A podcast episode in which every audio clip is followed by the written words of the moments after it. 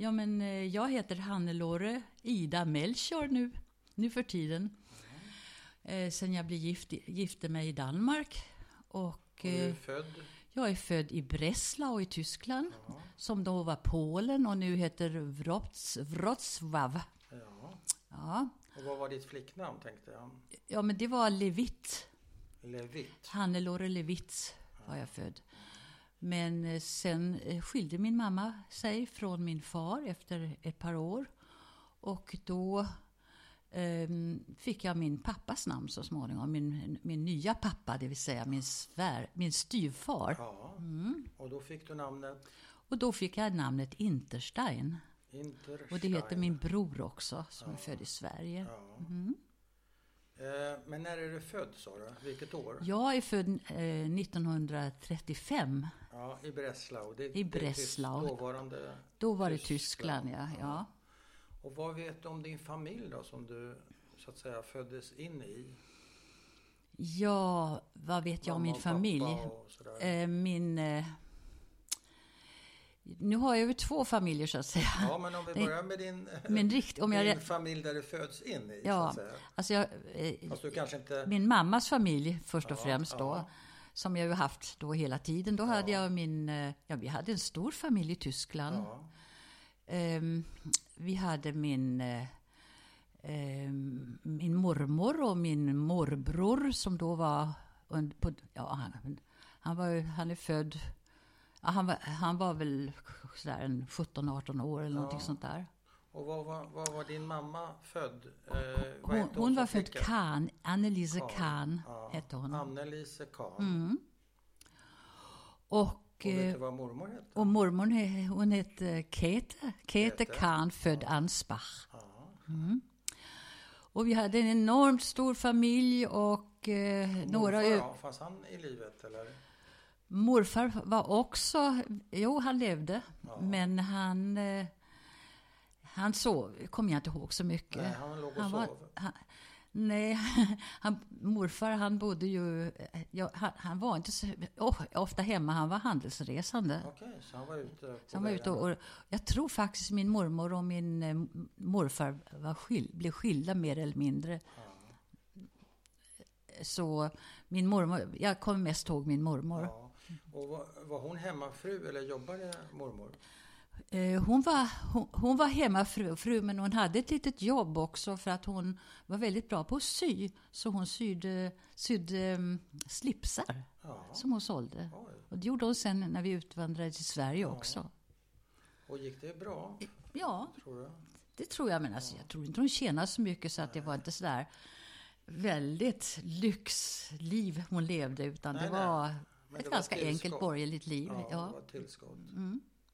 Och mamma då, vad utbildade hon sig och så vidare? Ja, alltså för, först så var ju eh, de första åren, när jag var två år så lämnade vi eh, Breslau. Ja, Eh, I Breslau jobbade hon tillsammans med min, min riktiga far. ja, Och han hette Leo Levitt och han var sångare.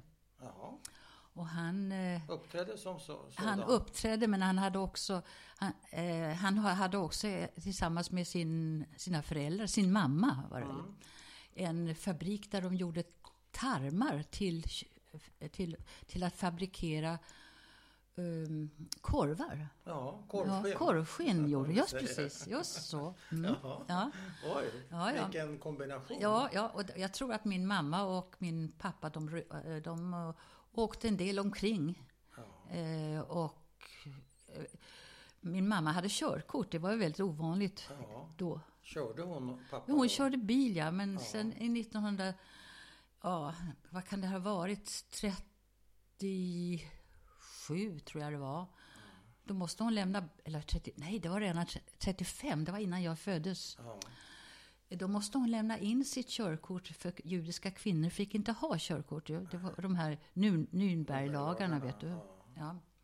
Så då kunde inte hon köra bil? Så därför kunde inte hon köra bil så hon var tvungen att vara hemma, hemmafru.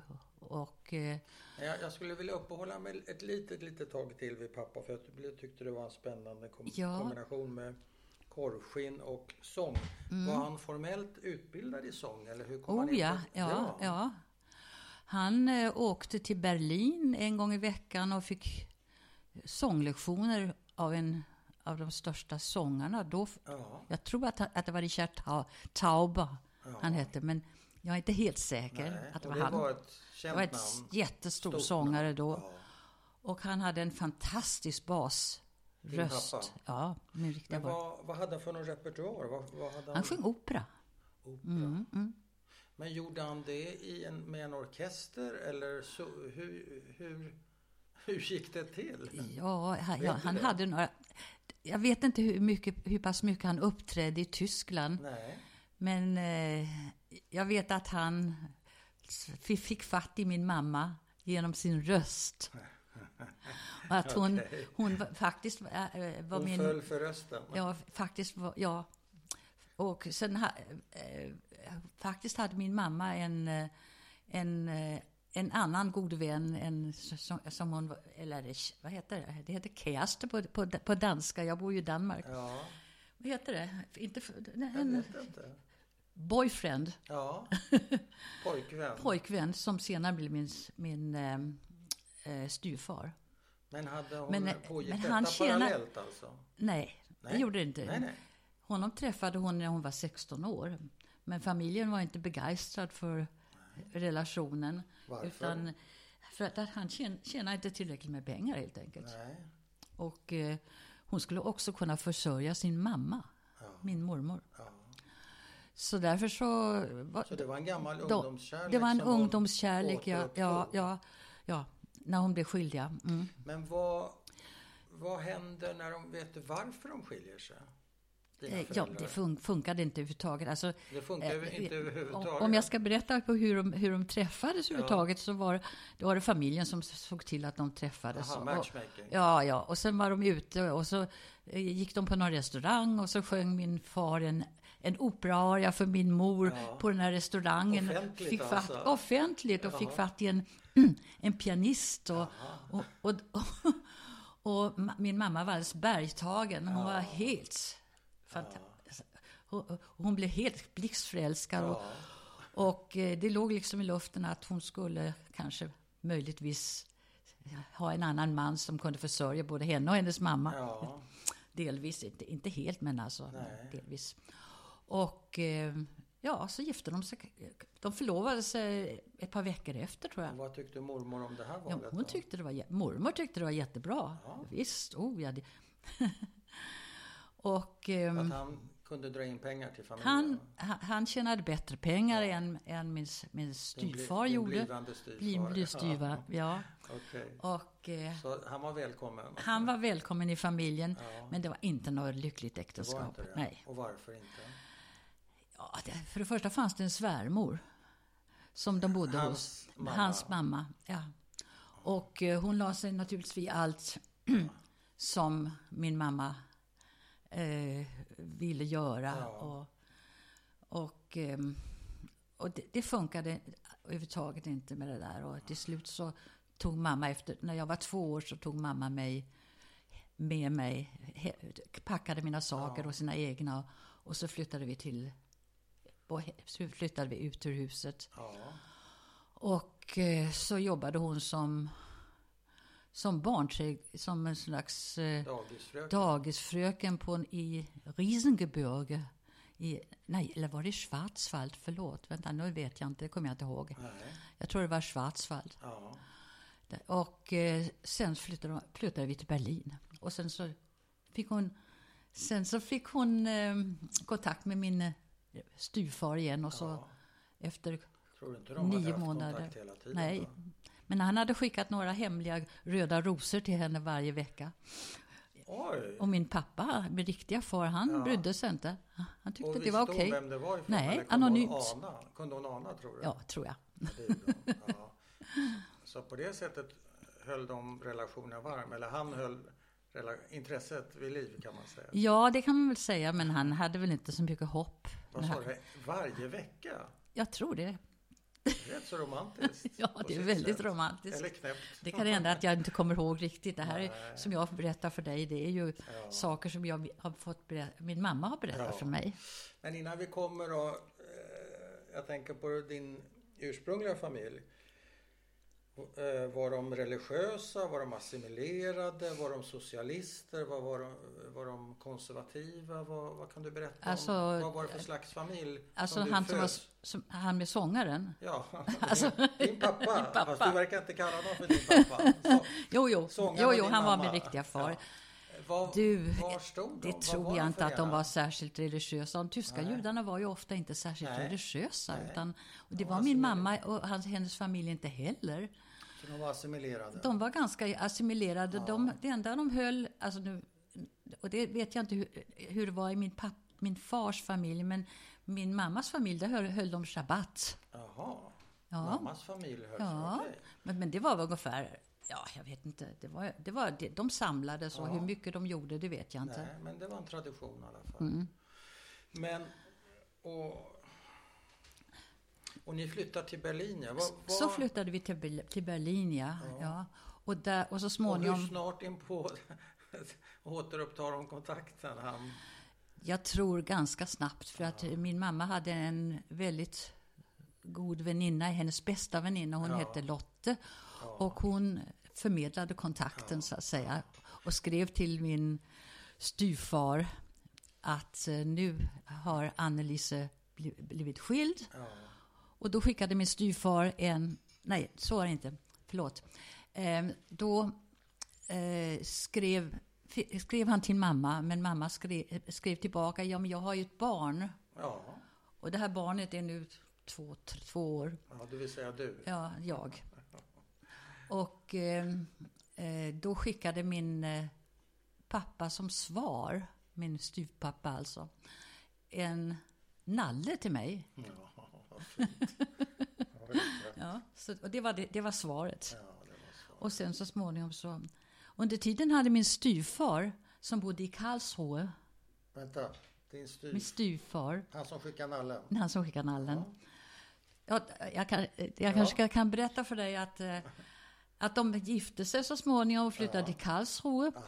Min, min styvfar hade, han var judisk kantor, ut, och han hade Aha. läst judisk kantor. Ja. Och kom från en mycket religiös familj Ja. naturligtvis och höll alla möjliga judiska regler och kosher och allt sånt här. så han var religiös? Han var religiös. Var han ortodox och det var min eller var mamma. han lite liberal eller var... Ja, det, inte vet. det vet jag inte. Nej. Men han blev anställd. fick blev, jobb där han fick ett jobb i synagogan Ja. i Karlsruhe. Okej. Mm. Och så, Så- vi flyttade vi till mamma blev kantorsfru? Hon blev kantorsfru, hastigt Lite, och lite lustigt. offentlig position kanske? Du, det vet jag inte. Nej, någonting om. tänka. Men det kan man föreställa sig. Ja. Ja. Vad är ditt första minne skulle du säga? Ditt eget första minne? Jag tror, jag tror inte att jag har någon min, något, något riktigt minne från Tyskland överhuvudtaget. För jag var ju bara tre år. Ja, Utan allt vad jag kommer ihåg, så att säga, som, det har jag fått berättat av min mamma. Vad är Ja. ditt första minne då? När du, följaktligen när du har kommit Det är när vi, när vi bor i Sverige. Ja, och vad är det? Och det är på en gård i... Eh, någon, ja, det har varit i Näs, Näsby eller så har det varit... Vi var tre olika ställen innan Ja. vi flyttade till, Sto- Ja, till Stockholm. Mm. och är det något speciellt som du kommer ihåg från? Är det något speciellt med det minnet? Eh, nej, jag kommer bara bara- ihåg att det, det är väldigt eller? svagt, kommer jag Ja, ihåg, hur vi bodde och sådär. Ja, okej. Ja. Men vad händer då? När, vilk, hjälp mig här nu, vilket år befinner vi oss i när, när ni Alltså, är i Karlsruhe? han I? Karlsruhe flyttade vi väl som sagt när jag var... 37, eller Ja, någonting sånt där. 37, 38 någonstans där. Tror jag. Ja. Jag då- tror faktiskt att det var så att de, de gifte sig ja, på sommaren och sen kom kristallnatten 1938 i Ja. november, 11 ja, november. Ja, Och då är det slut på lyckan. ja. Men innan dess, för du sa ju som ett exempel att mamma blev av med sitt körkort. Judiska kvinnor och kanske män också för Ja, den delen. ja. Det vet jag inte. Man fick inte ha körkort. Och det är kanske någon gång 36 trodde du? Ja, jag tror att det var 35. 35 för Ja. Nürnberglagarna Vad började. vill in, vilka andra inskränkningar har din mamma berättat om utsattes hon för fram så att säga mot 37 och framåt 38 och kristallnatten? Om man tar det så att säga från 35 och framåt. Om du vet några fler sådana konkreta händelser? Nej, jag tror inte, inte, inte annat än, än de sakerna jag kommer ihåg från, eller vet om när vi utvandrade, vad vi inte fick och vad vi fick och så Okej. vidare. Ja. Men jag kanske ska berätta att min mamma faktiskt var barnträdgårdslärarinna, utbildad barnträdgårdslärarinna i Tyskland och hade en, en barnträdgård innan hon gifte sig. ja, en, En judisk barnträdgård. Ja, Ja, det heter dagis. dagis nu för tiden. Ja, vi i Sverige. ja. ja. Ja, ja. Mm. ja. Och eh, när hon kom till Karlsruhe så, så började hon ju arbeta igen Ja. som barnträdgårdslärarinna. Okej. Mm. Och eh, ja, varför berättar jag detta? Nej, du ville väl berätta att din mamma hade Ja, ett yrke? ja jo, hon hade ett yrke. Hon Hon var väldigt själv framåt. duktig, framåt och, och, ja, och sen ja, ja, så kom ju kristallnatten Ja. efter två månaders eh, giftermål Ja, där min pappa blev hämtad. okej. Och det har nog varit en stor grej i mitt liv, tror jag. Ja, Fast jag ju inte kommer ihåg det. nej. Och det, jag kanske kan berätta för, om dig, för dig om det. Därför Gärna. att ehm, det var den 11 november och min pappa han gick till synagogan och skulle jobba som han brukar. Och sen kom han tillbaka helt vit i ansiktet och sa att synagogan brinner.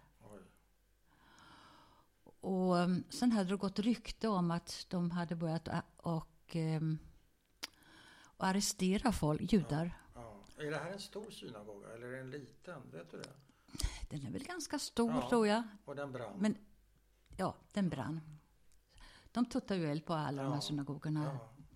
då. På kristallnatten. Och ehm, sen så vet jag att vi åt middag och det gick rykten om redan då att folk hade blivit arresterade.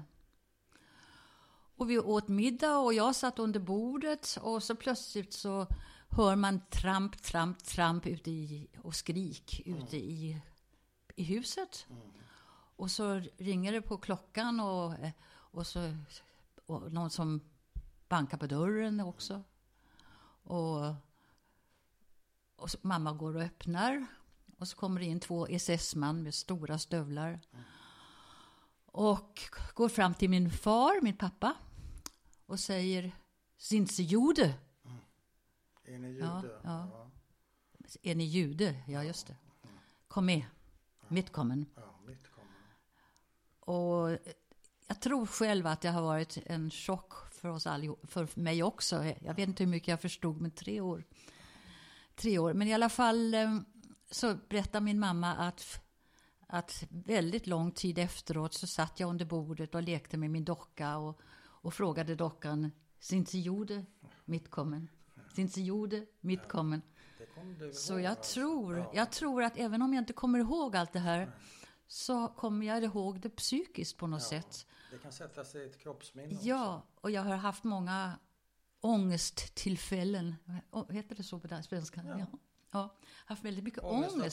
Ångest, ångest. förr. Inte på sista tiden, men, Nej. men förr hade jag väldigt mycket ångest Ja, och var rädd. ja, Utan att veta varför. det bara kom. Mm, mm, mm.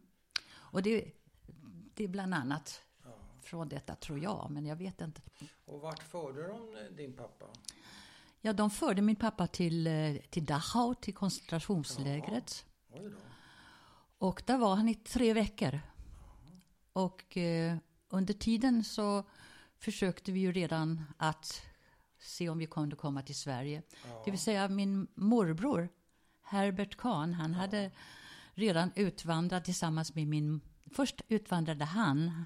Han fick ett jobb som... Han var utbildad skräddare. Mm. Och han fick ett jobb som, skr som, skr som skräddare eller skräddarlärling på Standards hörna i Stockholm. Vet du vad det är? Nej. det finns inte längre. Jag tror nej. inte det. Mm. Ströms har vi, det ligger på en hörna. Ja, nej, det låg, låg på Stureplan tror jag. Ja, Standard Standards hörna. Där fick han jobb. Och han, eh, han- var, han försökte då att få oss ut. Han var, Först han fick var han sin mamma. mamma vad då sa du? Är de kusiner? Nej, min- Herbert och mamma? Herbert och mamma är bror och syster. De är Syskon. syskon? Ja, Okej. ja. Förlåt, syskon. Och han ja. var ju, han var, han vara, han, han var 23 år eller Ja. något sånt där. Och Och han, han, fick först ut han mamma. fick först ut Alltså min din mormor, ja, som kom redan då i... eh, eh, han åkte 90, 1938 och hon, och hon åkt, kom, kom till Sverige då. Lyckades min, min morbror att få hit dit sin mamma då. Mm. Och det var januari, februari någon gång, 39 tror jag. Ja. Och sen försökte de att få dit oss också. Men man skulle ju ha någon som garanterade för en. Man det, kunde inte bara utvandra till Sverige. Det Nej. gick inte. Utan eh, man måste ha någon som såg till att man jobbade. Att, jag, att man hade ett jobb. och Om man inte hade jobb så skulle garantera för oss Ja, helt enkelt. Så att, de, inte, så att vi inte skulle ligga den svenska staten till last. Ja, Så var det då. som man sa. Mm. Mm. Och då, eh, min morbror fick kontakt med Lisel som, som, som han blev förälskad i. Och Lisel Goldschmidt hette hon då. Och eh, hon hade en kusin som hette Kitty. Och hon, den här Kitty, hon var gift med en svensk eh, justitieminister som hette Herman Zetterberg. Känner jag inte till. Ja, så vi hade några bra... Jag hade lite ingångar. Ja, precis. Och det hjälpte. Ja. Och eh, de, de kon, fick kontakt med en kvinna som hette Mia Läcke Lövgren. Känner du till henne? Göteborg va? Eller Vet inte. Men hon var, känd- hon var känd. Hon känd var pacifist Ja. och författare och Antinazist. antinazist. Och, ja, hon var, vad var hon? Hon var ordförande för en förening för invandrare i alla fall. Ja, Som hjälpte hon invandrare. var superengagerad. Ja, precis. Och hon såg till att, vi, att min pappa och mamma fick ett jobb i Sverige Ja. som trädgårdsarbetare. Ja. Och det var inte, det var inte så, så bra för en, en man som har varit kantor, men det, Nej, inte nej. fanns det jobb. Nej. Men de skickade en inbjudan, det skulle de göra, en in- inbjudan till Tyskland Ja. För att, eh, ja, och så- att vi, vi kunde, och, och, så att vi kunde söka visum. Så var det. Eller, ja, och ehm, under tiden innan vi kom så långt så hade, då hade, eh, hade det kommit upp några Gestapo-män till mamma eh, medan pappa var på Dachau, i Dachau Ja. och sagt att eh, om du skriver under det här pappret då kan, du åka till, kan ni utvandra till Trinidad. Jaha, okej. Men mamma hon, hon var ganska strong. Hon sa, för, första visste hon inte var Trinidad låg någonstans. Nej. Så hon, hon, hon vägrade. Ja. Hon sa vi, vi får utrikes, vi får eh, visum till Sverige. Ja. Och så gick han så småningom. Och så fick vi, fick vi det här visumet på grund av det här inres, in, in, den här inbjudan. Och då var de tvungna att och släpp, då släppte de pappa. Så han Då kom hem efter tre. Han, han och vad hade har tur. han varit med om då under de här tre veckorna? Det har han aldrig talat om för oss. Men han hade mardrömmar. Väldigt mycket mardrömmar på, kväll, på nätterna. Och det hade han också i Sverige länge, länge. Alltid tror jag. Så det har inte varit... Han ville inte prata om det. Om vi, gjorde han, pratade han inte med, med din mamma om det tror du? Det tror jag inte. Jag vet inte. Nej. Men hon har Jag tror inte det. berätta någonting heller. Nej. När du säger mardrömmar, hur vet du det? Skrek Hon skrek. Ja, han skrek. skrek. Ja. Och speciellt när han just hade kommit hem och han vågade inte gå på gatan. Och um, så var det ju så att vi hade fått inre... Han vågar inte gå, gå på gatan i Tyskland, i, i Nej. Karlsruhe. Nej, nej. Och det var ju så att... Det verkar ju rimligt. Ja, och det var ju så att han kunde ju. Eh, vi, hade, vi hade inrikes in, vad heter, inresetillstånd till Sverige, visum. Ja, ja. Men vi hade inte fått något ut, Utresetillstånd. från Tyskland Nej, än. okej. Och problemet var då att det tar tre månader eh, så, så, är, så är det värdelöst. värdelöst. Ja, Det blir värde, det håller bara tre ja, månader så. så, det här. Så att, och, och det hände ingenting och det Nej. hände ingenting och det hände ingenting. Och ehm, alla var jätterädda och tänk om vi inte får det här in, eh, utresetillståndet innan, eh, innan det andra utlö, Just det. i- utlö, Ja. Ja. Och ehm, då hände det en grej som var fantastisk tycker jag, som visar att det verkligen fanns anständiga tyskar också. Ja, Eh, min far hade en god vän som var... ehm, han var... Ja, vad, het, vad heter det? Han var, han var, eh, in, in, han var medlem av nazistpartiet. Och, ja, var han högt uppsatt? ja, det var han. Ja. Mm. Så han hade inflytande? Han hade ett inflytande. Ja. Och han såg det här att, de, att hur det var med de här, Ja. att vi inte fick några utresetillstånd. Och, eh, han, han, så, så sa han till min mamma en dag att eh, så kom han med, med sin motorcykel en dag till min mamma. Och, så- det var, förr hade man en, ofta en motorcykel med sån här bivagn. Ja. Som man sidovagn som man kan sitta i. Och, ehm, och det var en helgdag tror jag, en judisk helgdag. Ja. Eh, Vi åker upp till, eh, till huvudkvarter, Gestapos huvudkvarter i Oj. Karlsruhe.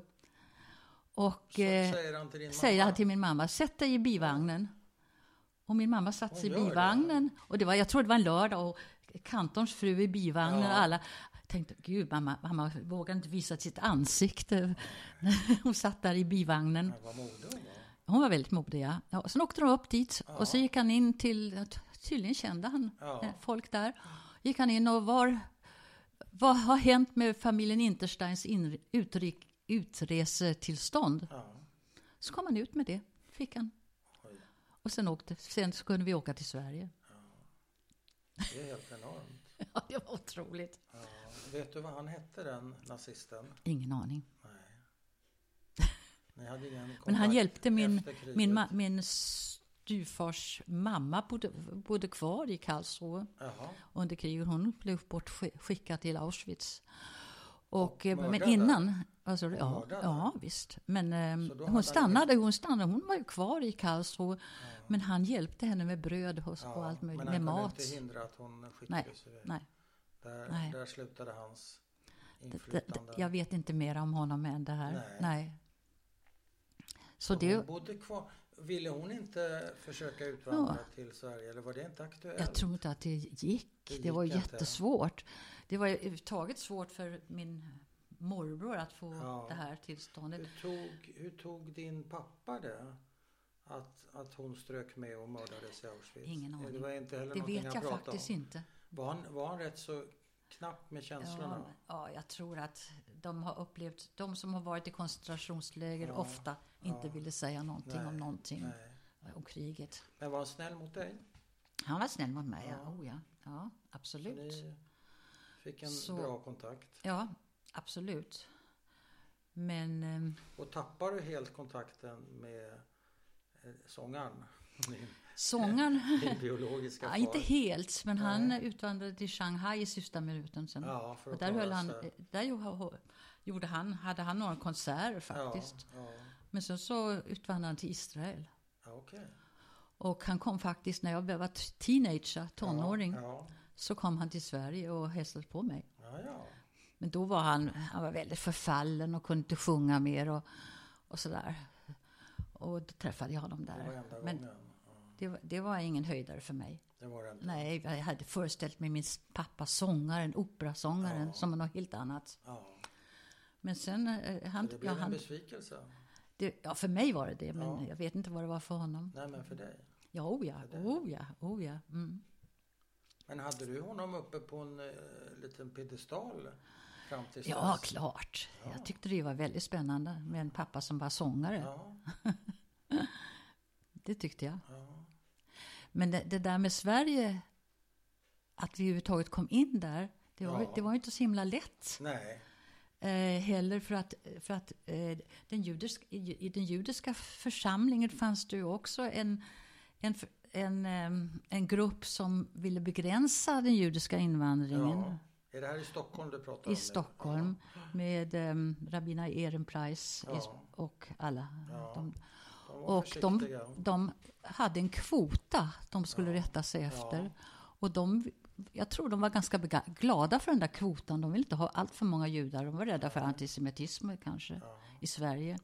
Så hur blev, Men blev, det var de som bestämde om, jag fick komma, om vi fick komma in eller inte. ja, Och ehm, min, eh, min mormor som var också en väldigt aktiv kvinna, hon varje gång de hade möte där uppe på Ja, församlingen ja. och skulle bestämma vem som, kom, sånt vem där, som ja. kom, fick komma in och vem som inte fick komma in. Då hade hon med sig mitt fotografi och så sa hon Låt det här barnet, rädda det här barnet. Och, och hon har berättat att hon var, varje gång de hade möte satt hon där och de blev ganska trötta på henne till slut. Nu sitter den där rödhåriga kvinnan där igen och hon har rött, stort rött hår. Och, men, men det och det har säkert också gjort väldigt mycket. Ja, det tror jag. Det och, och, och de, min morbrors eh, möjligheter. ja. Ja. mm. Hur blev... När, när reser ni till Sverige och hur, hur och så vidare? Ja, det, det är också väldigt speciellt. Vi åkte den i april månad 1939. Jag tror att det var den 11 april eller någonting sånt där. Strax före kriget alltså? Strax före kriget och vi hade fått några biljetter från den... Det fanns en ja, resebyrå i, i, eh, i Berlin som tydligen var väldigt nazificerad. Ja, det fanns en nazistisk resebyrå. Vet du det? Visste du det? Ja. Det har min mamma berättat. Ja. Men då ska jag tala om för dig att, att det var inte bara att åka iväg. Nej. Utan de, de skickade med två gubbar, två killar, två eh, Gestapo-folk Ja, med oss. Jag, jag tro, har alltid trott att det var mamma som hittade på det, men det, det var klart det inte var. Det var det inte. Nej. Och de vänta följde med oss. Varför har du trott att hon hittade på det? Nej, jag tyckte det lät så väldigt konstigt. Ja, okej. Men det var, hon har berättat Ja. att, att eh, när vi åkte, först skulle, man åka till, med tåget till eh, Sassnitz Ja, och eh, man åkte sovvagn. Mm. Och då eh, satt vi i en kupé och där eh, satt min pappa, satt vi hela familjen och, och några andra också. Och så satt de här två männen där. Med, er? med hakkors på. Och eh, sen när pappa gick ut ur kupén och ställde vid sig fönster, vid fönstret så kom de och ställde sig på varsin sida och sa vi ska ge dig judejävel där vi kommer i sovvagnet. För, det var två män, de andra, vi hade ju en... eh, Aha, en sovvagn dam, för oss. Damkupé, ja. ja. Och då var det två andra som satt i kupén som jag sa, eh, som gick, sa till konduktören Ja. att den här mannen, han, eh, han är väl, han är väldigt obehaglig mot, mot, mot eh, herrn här, för att han är jude. Och eh, då såg han till att vi fick en, en sovvagnskupé för oss själva. Jaha, för er tre? Ja, Så pappa slapp de där två? ja, ja. Men sen dök de upp på färjan igen. Oj. För sen åkte vi då med färjan eller tå- båten från Ja, ja, Sassnitz till till- Ystad. Ja, just det. Mm. Nej, Trelleborg. Trelleborg? Trelleborg var det. Ja. Och eh, från Sassnitz till Trelleborg och då hade min mormor skrivit att vi skulle åka, äta det där fantastiska svenska smörgåsbordet. Det, Ja. Så mamma och pappa hade glatt sig. De skulle, Det kostade 10 mark eller någonting sånt där. Och då satt de så där, men så kom de här gubbarna och satte sig bredvid. Nej, Så de fick inte ner många mackor. Och de skulle skrämma dem Ja, ända då. till eh, svenska Och sen när vi kom till. Sverige, till Sverige då, ehm, de var plötsligt som uppslukade från jorden. Mamma kände igen dem, att de hade, men då hade de tagit bort hakkorsen. Ja.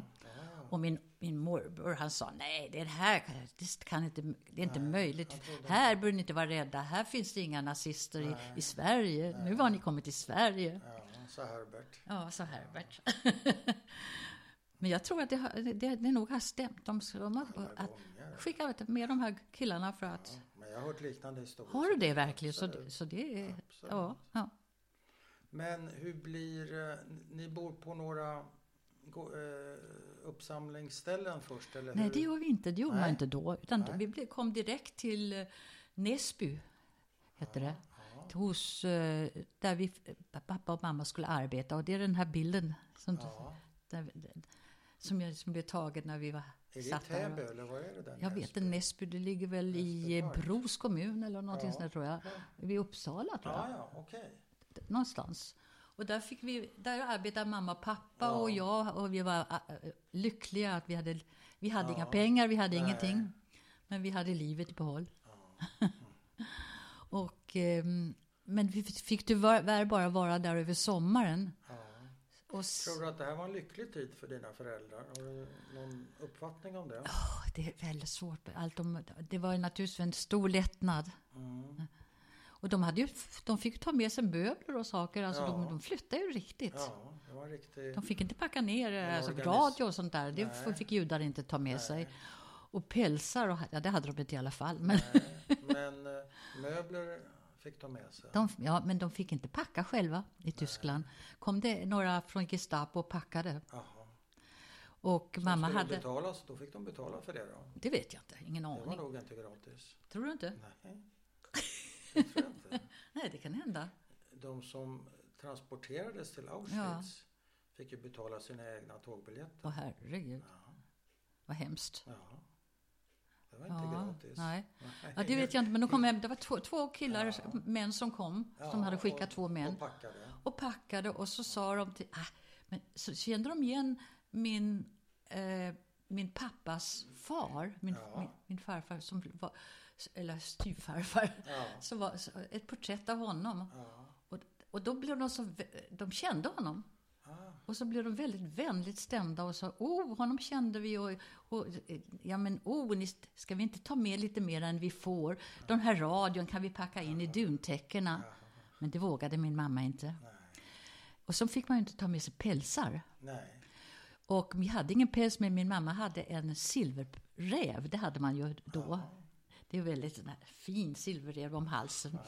Och det står ju ingenstans att man inte får ta med sig... Eh, jo, det, den fick de inte ta med sig, men det står ju ingenstans att man inte får, får, ta, får sy på sy den på en, på, som En krage kappa. på en, på en, På en- yrkappa. på en kappa. Så de sydde fa- fast den på kappan och sa att Smart. nu är det lagligt. De var väldigt vänligt stämda, så det var ju Smart. tur. Så det fanns utrymme för en viss mänsklighet ändå. Det, var, det fanns det, klart. Absolut. Men nu, nu sprang vi det här lite grann. Nu hoppade vi runt lite Ja, grann. ja, men det, vi kan springa framåt och bakåt som man gör eh, i ett samtal. Men frågan var ju om det var en lycklig tid eller inte och du sa att det var lite svårt för det var ju en lättnad och sådär. Det Ja. var så vi kom in på det här. Men eh, fort, blev, jag var också undrade över din pappa som hade varit så skärrad och så märkt av de här tre veckorna i Dachau så han inte vågade gå Mm, på gatan mm, fram. mm, mm, mm. Blev det bättre när han kom till Sverige? Förutom mardrömmarna, de fanns ju. Men kände han sig trygg här? Vet du det? Det tror jag. Men det tog lång tid innan han lärde svenska. Det var jättesvårt för honom. Ja. Mamma lärde det Och ganska mamma, snabbt. ja. Men de, de jobbade ju också, och det var väldigt det var ju väldigt hårt liv att vara trädgårdsarbetare. Det var ja, jag tufft. inte van Nej. vid. Men så småningom fick, så kom vi, alltså det, vi fick ju, fick ju inte vara kvar på Näsby så kom vi ju till, eh, till um, um, Fågelsta, om du säger det Ja. någonting, i- vid Julita. Ja. Där. Och där kom, på en stor gård hos eh, Elisabeth Tam, säger det, det någonting, som var med i Fågelstagruppen. just det. Tillsammans med, kvinnor. just det, Med framåt och- socialistiska, Ja. tillsammans med Siri Derkert Ja, och Elin Wägner Elin. Wägner, ja just det, precis.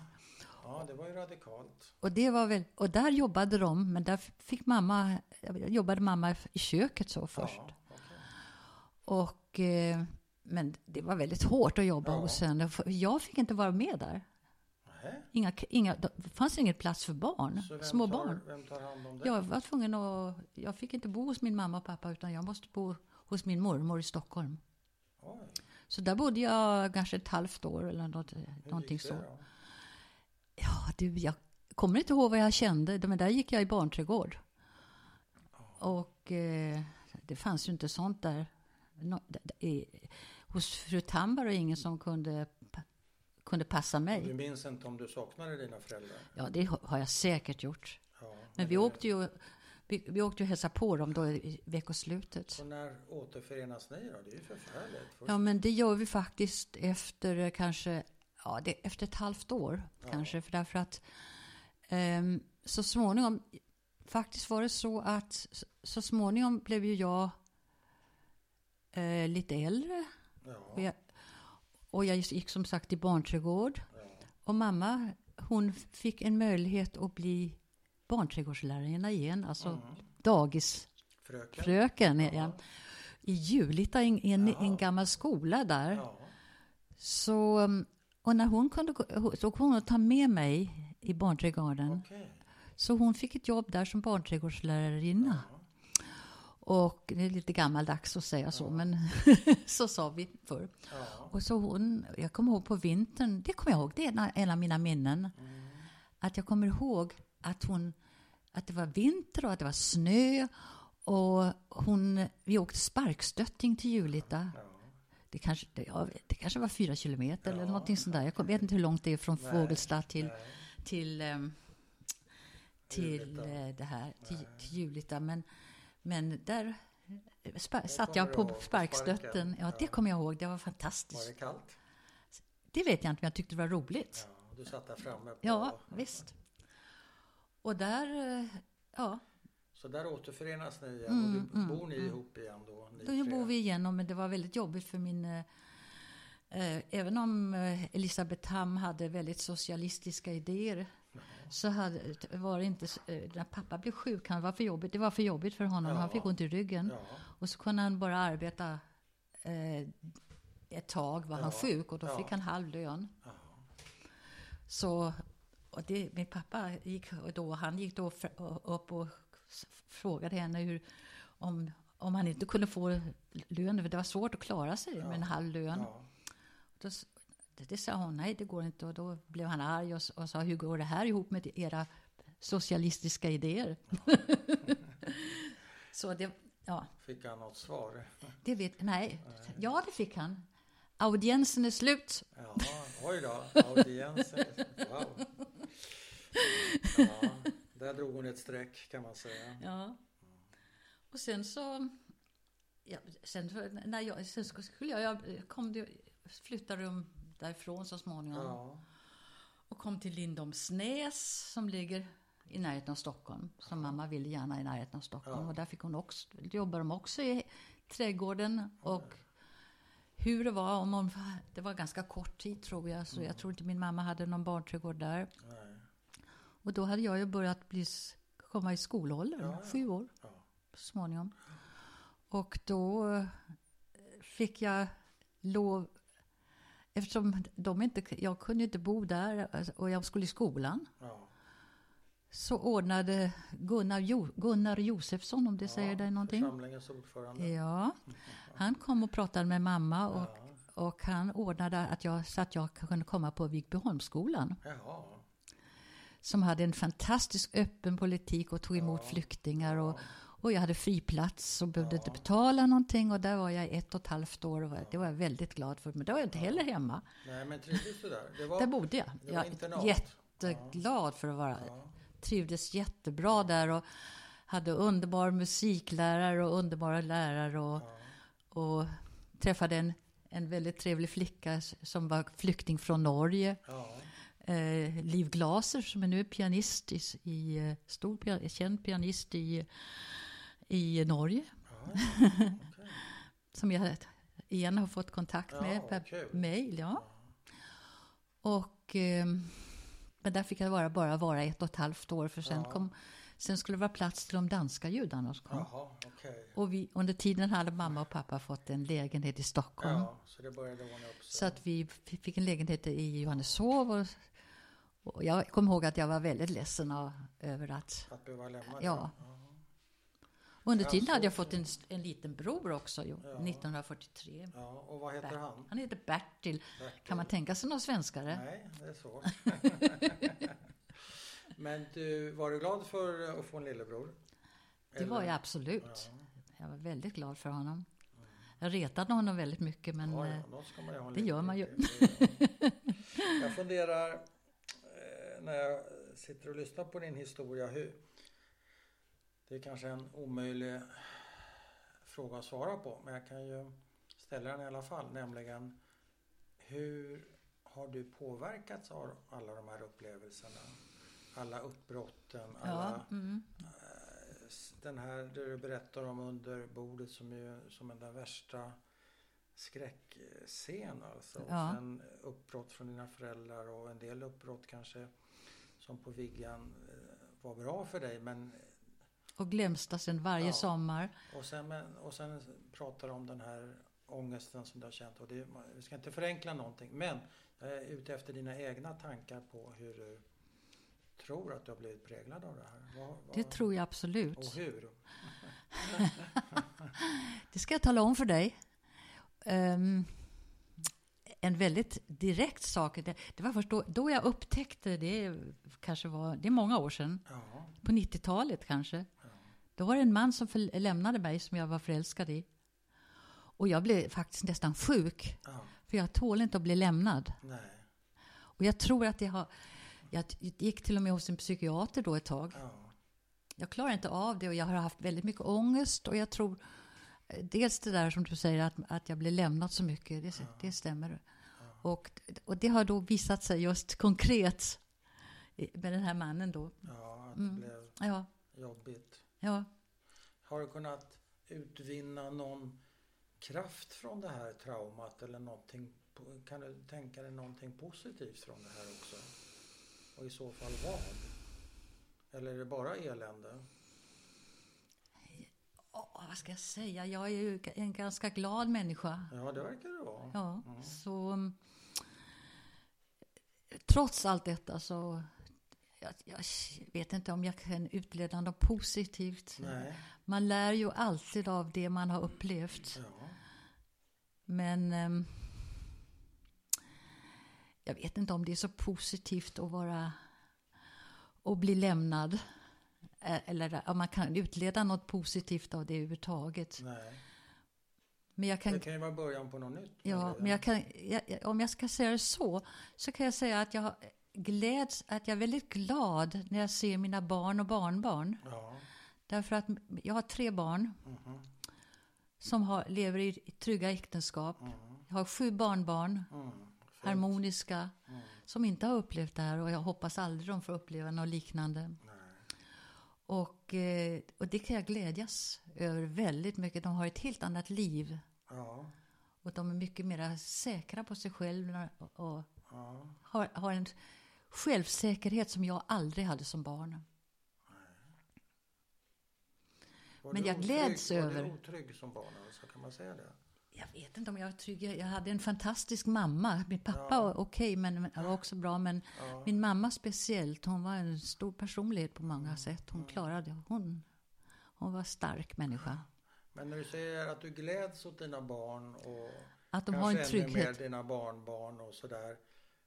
Kan, du inte känna avundsjuka också då? då? Absolut inte. Det, inte alls? Nej, Nej. bara stor glädje. Vad härligt. Ja, Inte ett stänk? absolut inte. Nej. det är toppen. Ja, det är skönt. Nej.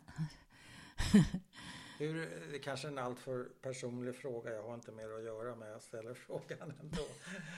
Hur är det med ångesten idag? Det är faktiskt mycket bättre. Ja. Jag har haft, eh, jag, jag har ju varit gift eh, med barnens frä, eh, pappa. Ja. Som, och jag har ett bra förhållande till honom. Men sen har jag väl haft två män Ja. efteråt. ja. Som verkligen har gett mig så mycket självtillit. De har förstått mig ja. så bra. ja. Och de har gett mig så mycket av det som jag inte hade. Nej, okej. Först en amerikansk man, judisk man, Ja. Sid Man. Ja. Och, han, och så senare Allan Levin som, Ja. jag, som vi, vi var tillsammans. Vi fick tio år med den ena mannen och tio år med den andra. Ja. Och 23 med den första. Ja. Men eh, de, har, de här två sista männen har verkligen givit, givit mig mycket själv, självtillit. Ja. Och det har varit väldigt lyckligt. Så, Mm. bra. så det vill jag gärna svara på. Ja. Det låter som ett happy end, är det det? Ett vadå? Happy end, ett lyckligt Ja, slut ja, på sitt ja, sätt. ja, ja, absolut. Ja. Och vi har ett väldigt fint liv här. Alltså, vi bor ju här ute allihopa utanför, Ja, utanför Köpenhamn Nord. Och mina båda, två flickor som bor här i Humlebäck med deras familjer och en son som bor i Kokkedal som ligger alldeles i närheten också. Är det någonting, tänker du ofta på din mamma? Mycket. Ja, oh ja. Och vad tänker du? Jag tänker på alla, alla kloka saker hon har sagt. Ja, berätta. Och hur Så- tolerant hon egentligen var. Ja. Hon var modern kanske? Hon var modern, ja. Ja. Oh, ja. Hon hade ju en modern barnträdgård Ja. senare i, eh, i Johanneshov. Ja. Och eh, där, hon hade en trafiklekskola Oj. där barnen lärde sig trafik. Det är tidigt. Ja, och uts, hon utställ, hade en utställning på pub med riktiga leksaker. Och hon var väldigt progressiv.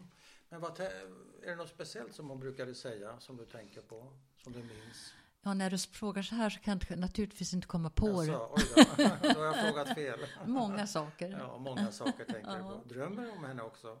Det gör jag absolut. Ja. Ja. Och likadant med min, min mormor som jag hade naturligtvis fick väldigt tätt Ja. förhållande till också. Som du bodde hos ett Som jag bodde hos, ja. Och är, den, är, är drömmarna på det sättet konstruerade att de upprepas om och om och om igen? Eller är det olika drömmar olika gånger? Det är nog du- olika. Det är nog Ja. olika. Jag drömmer inte så mycket längre Nej. som jag gjorde förr kanske. Förr drömde kun- när jag var yngre så, drömde jag att jag var i koncentrationsläger fast jag aldrig har varit i koncentrationsläger. Alla de hemska so- saker jag kunde drömma. Dig, ja. ja. det var fruktansvärt. Ja, det- det- riktiga mardrömmar alltså? Riktiga mardrömmar. Man vaknar av dem också? Ja, ja. Det- Ofta, kunde jag, ofta kunde jag flyga bort från nazisterna. Ja, Jag kunde flyga i mina drömmar. Det var Ja. väldigt tillgång. ja, det var ju bra. Så du flydde ifrån det. Är, är det pappas erfarenheter tror du eller är det hela, är det hela tidstiden? Ja, eller det är väl nog hela Du, tiden, du tror jag. fick med dig hela alltihopa? Ja, och också det man har läst senare. Men hur man, gammal är du när du drö- drömmer om att du är koncentrationsläger? ja, det har väl varit helt till, till gymnasiet, tror jag. Till gymnasiet? Ja. Jag tycker inte jag har gjort det sen jag flyttade till Danmark egentligen. Nej. Och det var 1960, så det... Men, eh, ja, förr i tiden var det så. Ja, när du är 16-17 år? Mm. Men det var inte ofta, men det var Nej. o- hemskt. Fruktansvärt. Ja. Vad säger du med ett skratt? Ja, men det är, eh, ja, ja, men alltså, det, det är så löjligt på något sätt för att eh, när man inte har varit med om det, att man kan Ja, drömma om det. har du ju varit med om det på något sätt. På något sätt har jag väl varit med om det, ja. Ja, Det måste man ju dra den slutsatsen. ja det måste man ju. varit- Ja, Du har ju varit med om någonting. indirekt har jag väl det. Hört, och så har man ju hört så Ja. himla mycket. Ja, Ja. och det har tagit sig in i dig. Det måste du ha gjort, ja. ja. Vill du lägga till någonting? För jag tycker du har... Säkert, men Ja. alltså, det, det, kommer, det kommer jag på imorgon först. Imorgon. Men, eh, men nu har du en chans att göra det. Nej, alltså jag tycker du har berättat en sån fin och sammanhängande berättelse. Så, Tycker du det? Ja, det var ja, det trevligt. tycker jag verkligen. Mm. Så att om du är nöjd så är vi nöjda. Ja, Ja, tackar vi så mycket. Tack själv.